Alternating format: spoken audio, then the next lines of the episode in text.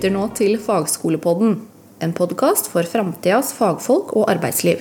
Da må jeg få lov å ønske velkommen til en ny episode av Fagskolepodden.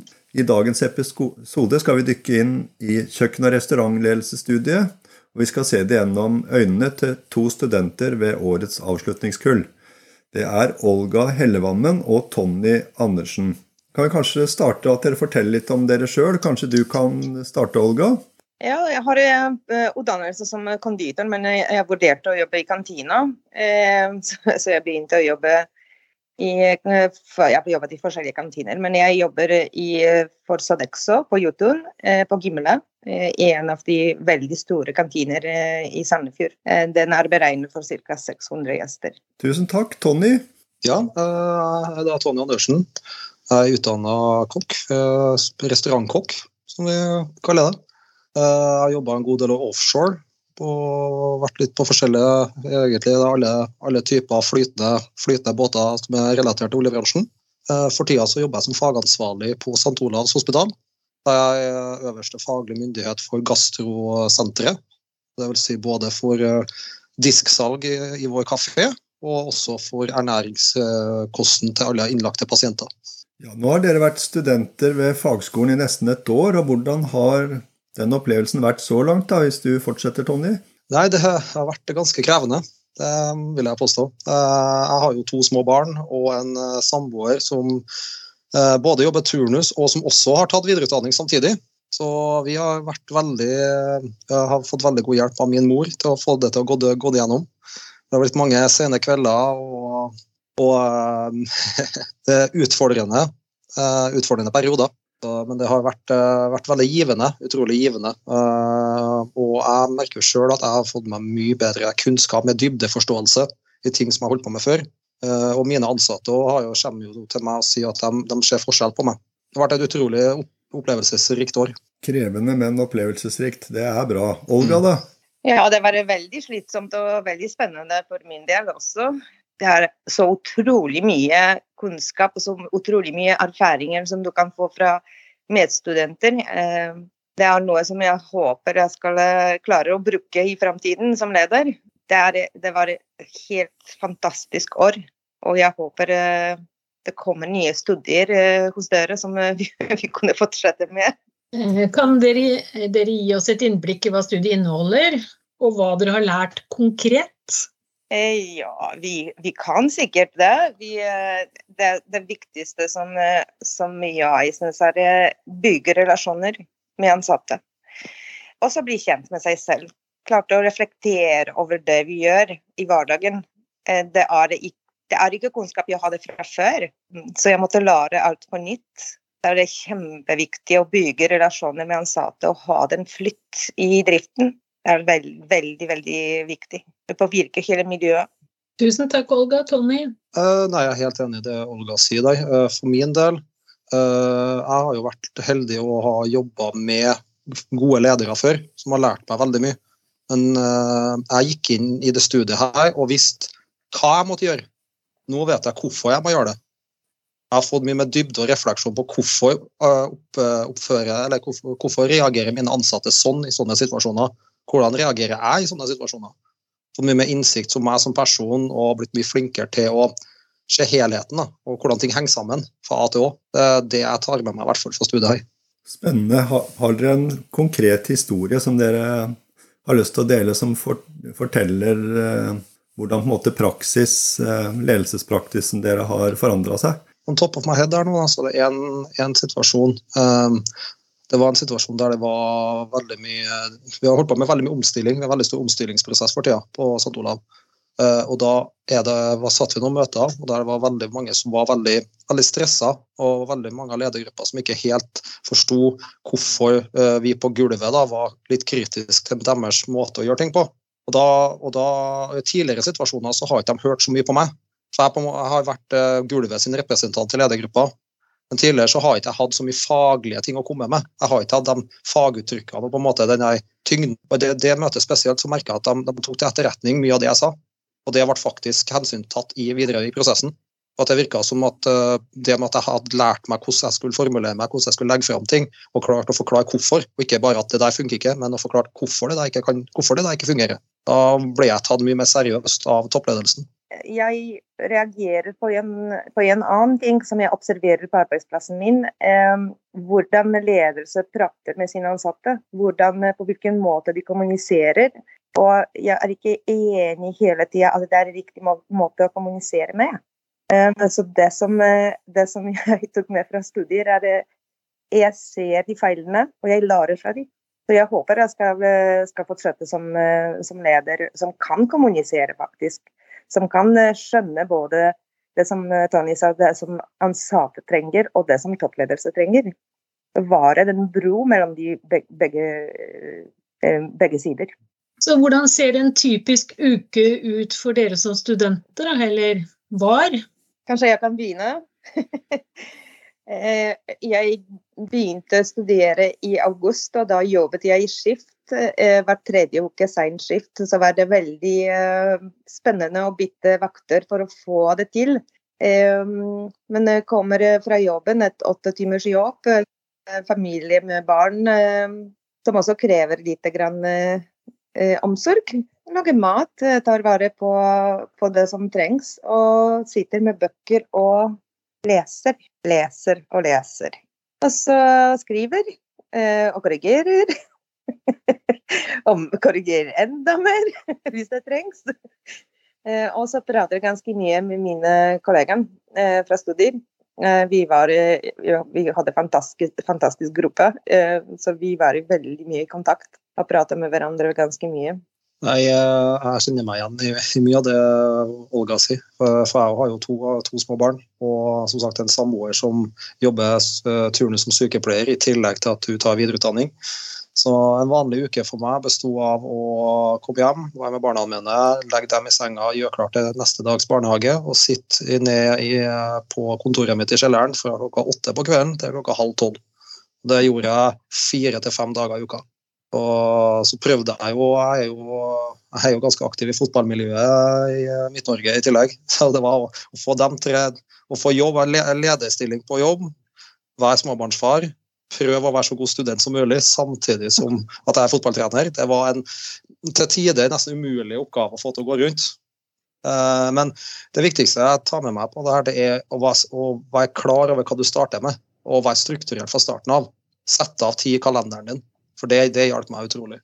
Da, da, var jeg mentalt innstilt på at jeg kan ikke bli med på hytta denne helga. Jeg kan ikke bli med ut og ta en pils og sånne ting, for nå skal jeg, nå skal jeg jobbe på kvelden. Hvis du fortsetter litt, da, Tonny, hva er de tre viktigste tinga som dere har lært så langt? De viktigste tingene det er jo selvinnsikt. Det syns jeg er veldig, veldig viktig. Jeg, jeg, trodde jeg hadde god selvinnsikt før, men uh, det hadde jeg ikke. Uh, så selvinnsikt er definitivt en viktig ting jeg har lært. Videre så er det litt som det som Olga var inne på, det å se de ansatte og kommunikasjon. Rett og slett at de, du får du, du er mye lettere å få ansatte med seg når du lærer, når du ser dem, hører dem og, og inkluderer dem i avgjørelsene. I stedet for at jeg kommer ut fra kontoret mitt og sier nå gjør vi sånn, vi skal gjøre det sånn. Så den kommunikasjonsbiten og selvinnsikta, og så er det det der egentlig å bli øh, økonomi, Økonomibiten, øh, den òg hjalp meg, meg litt. For da hadde jeg, har, har jo jobba en del med økonomi tidligere, men nå har jeg fått litt mer tyngde på det. Så jeg har blitt mer trygg i lederrollen min, kan du si. Olga, da? Jeg er enig med Tony om den selvinnsikten. Det er veldig, veldig viktig. Men eh, jeg har fått veldig mye kunnskap jeg hadde ikke fra før. Eh, og den, eh, det å kommunisere, ja, det er det. Og så reflektere. Det som jeg også lærte, at alle har noe til å tilby. Både ledelse og ansatte. Det er bare å sveise det sammen. Det er den viktige, viktige ting som du må være forberedt på som leder. At du skal sveise hele teamet for å, for å gjøre den beste jobben, prestere best. Og det er veldig å gi veldig mye av seg selv, men da får du også veldig mye. Eh, jeg syns det er så utrolig eh, viktig å motivere folk. Og hvis jeg blir demotivert, så de andre også blir demotiverte. Det er veldig veldig viktig. Jeg har veldig mange små Jeg klarer nesten ikke å velge tre viktigste ting. det er så mye. Ja, men tusen takk. Hva var, hva var, noen av utfordringene dere møtte, da? hverdag. jeg hadde noen problemer med måte å skrive på, siden norsk er ikke mitt første, ikke noe andre språk heller. Det er mitt tredje språk. Så jeg måtte lære å formulere oppgaver og skrive riktig. Og det er det selvfølgelig. Ledere må formulere seg tidlig. Men også lese faktisk veldig mye, veldig mye faglige ord. Og motivere meg selv. Noen ganger var det det, mest utfordrende når du blir sliten, eh, demotivert pga. det var så mye krevende på jobben. det skjer noe hjemme. Altså, du vet at du må innlevere oppgaven om en eller to dager, og klarer nesten ikke å lese pga. det er så mye. Så da var det, da var det utfordringene, det, de største utfordringene mine. Eh, men det gikk kjempebra. Jeg er faktisk veldig stolt av meg selv. Jeg kjenner meg litt igjen i det, Olga sier, men jeg er såpass heldig at norsk er jo mitt morsmål. Så den biten var litt lettere for meg. Men det var mer den akademiske måten å formulere en oppgave som som i starten var utfordrende for meg. For tankene og, og løsningene hadde, hadde jeg noenlunde greit i hodet. Men eh, for, jeg merker at ettersom jeg har jobba en del med alle emnene vi har vært gjennom, så hadde jeg litt basiskunnskap fra før, men det var den akademiske skrivinga på starten. Eh, den kom seg etter hvert, eh, for da satt jeg og sparra litt med min samboer, som eh, satt litt ned med meg og hjalp meg å tenke, tenke litt enklere. og så endte jeg opp med kanskje at jeg over hva skal jeg si, jeg, jeg skrev, jeg, På slutten da jeg skrev hovedoppgave, så fikk jeg kommentar fra min makker at jeg faktisk begynte å skrive som jeg satt og la inn nye ting i Store norske leksikon. Det begynte å bli litt vel tørt. Men uh, bortsett fra det, så var det jo utfordringa var jo tida, da, som sagt. Det Fulltidsjobb, to små barn, få det til å gå opp. Men uh, det, det, gikk, det, gikk, bra. Det var, det var, noen kvelder da jeg satt og rev meg litt i håret og tenkte blir jeg, klarer jeg det her, så klarer jeg alt. Men det, det, gikk gjennom. det gikk gjennom. Hva er det som har vært det aller beste da, ved å være nettstudent ved fagskolen? Ja, For meg så er det tilpasninga av tida. At uh, Det eneste jeg måtte være til stede på, var forelesningene. Og de klarte jeg av at jeg har jo, det er jo dagjobb. Så jeg hadde jo ikke, egentlig ikke noe mye problem med det. Uh, men fordelen var jo det der med at jeg kunne studere når jeg ville. Jeg, kunne, uh, om jeg valgte sjøl om jeg kunne satt på natta og skrev oppgave, eller om jeg satt på dagen hvis jeg hadde fri en dag eller hadde ferie. sånne ting. At det var frihet. Du hadde forelesninga di på tirsdager, du innlevering påfølgende mandag. Så da kunne du disponere tida di som du ville sjøl. For meg så var det, det kanskje det beste med å være nettstudent kontra en fysisk student. da. Jeg er helt enig med Tony. Den fleksibiliteten er helt fantastisk. Eh, og der eh, Jeg var veldig usikker om jeg rekker å møtte opp. Eh, men det gikk, selvfølgelig. Hvis du var motivert nok eh, til å, til å treffe andre mennesker, så jo da. Og jeg også syns den fleksibiliteten passer for alle de som jobber eh, du kan se på opptaket fra, fra, forelesninger når som helst hvis du glemmer noe, eller hvis du trenger, hvis du trenger ekstra informasjon. Alt er på nettet. Det er helt fantastisk. Ok, kjempebra. Hvilke drømmer har dere for fremtiden, og hvordan har studiet hjulpet deg å nærme deg disse drømmene? Jeg har en drøm, og jeg har faktisk to veldig store. Den ene er nesten der. Ehm, jeg, være, eh, jeg vil være kantineleder, eh, og jeg har veldig lyst til å endre på hvilken måte ansatte i Horeca-bransjen er sett på. Eh, vi har veldig mye kunnskap, vi er godt opplært. Eh, men vi, fortsatt, vi har fortsatt veldig lave lønn. Og så folk tror at hvis vi jobber i kantine, så ja, alle kan jobbe i kantine. Nei, det kan vi ikke alle. Du må ha faktisk veldig mye kunnskap for eh, hvordan du skal lage mat, HMS, HASSAP. Alle de tingene må være på plass. Og jeg har veldig lyst til at alle de som ser på oss som kanskje litt, litt verre ansatte, som alle i servicebransjen, alle kan jobbe i servicebransjen. Nei. Og det har jeg veldig lyst til å endre.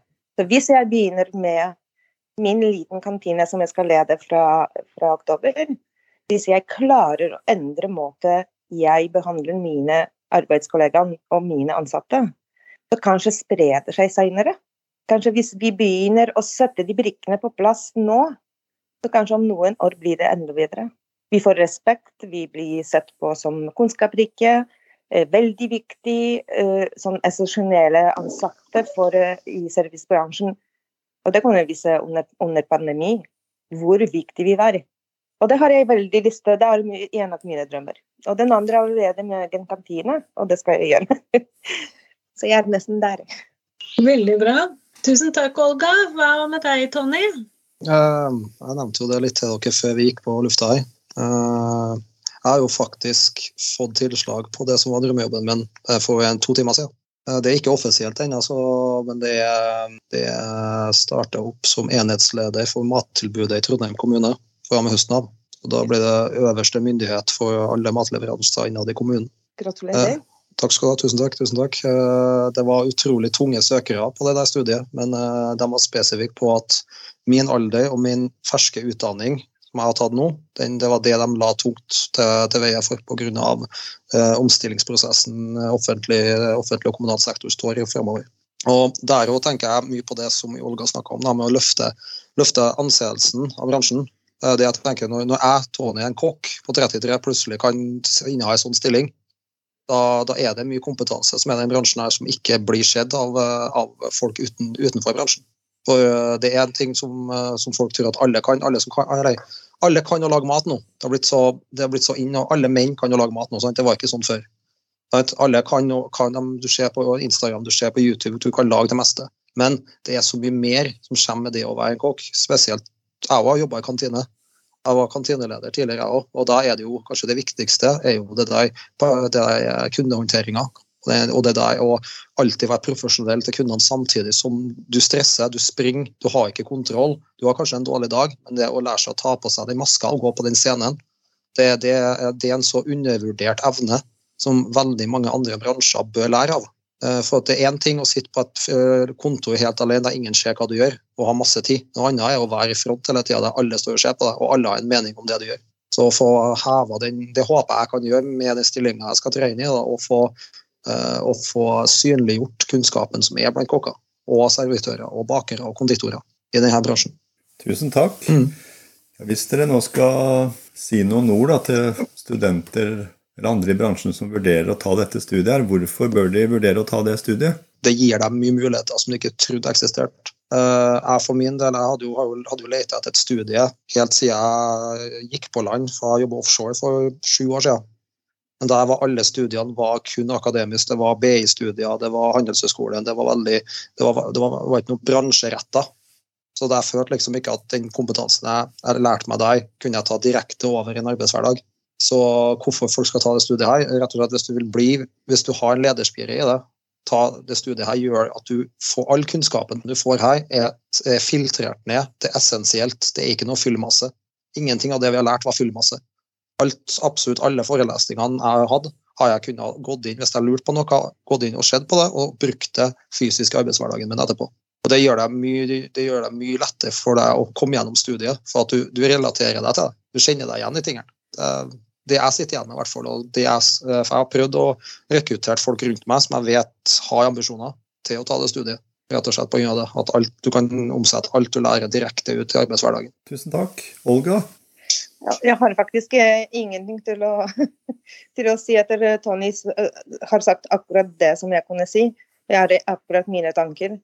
Det er jeg 100% enig i. Eh, men den kunnskapen vi har fått, det er noe som som skal hjelpe. Ikke bare, ikke bare på jobben, men den coaching kan vi bruke også hjemme, i hverdagen, i butikken, i, overalt. Og jeg, så, jeg, setter så stor pris på det, for når jeg ser at det, mitt liv eh, det, den endrer seg hver dag. Det er noe som, som absolutt alle lederne og mellomlederne bør ta. Det anbefales på det sterkeste. Der du, du lærer så utrolig mye. Ok, Tusen takk. Hvis dere skulle gi noen tips da, til nye studenter som skal starte til høsten, hva ville det være for noe? Eh, det er å være strukturert. Planlegge. Uh, nå vet jeg ikke om uh, Det er i hvert fall det jeg gjorde. Jeg kjøpte meg inn en, en skrivepult.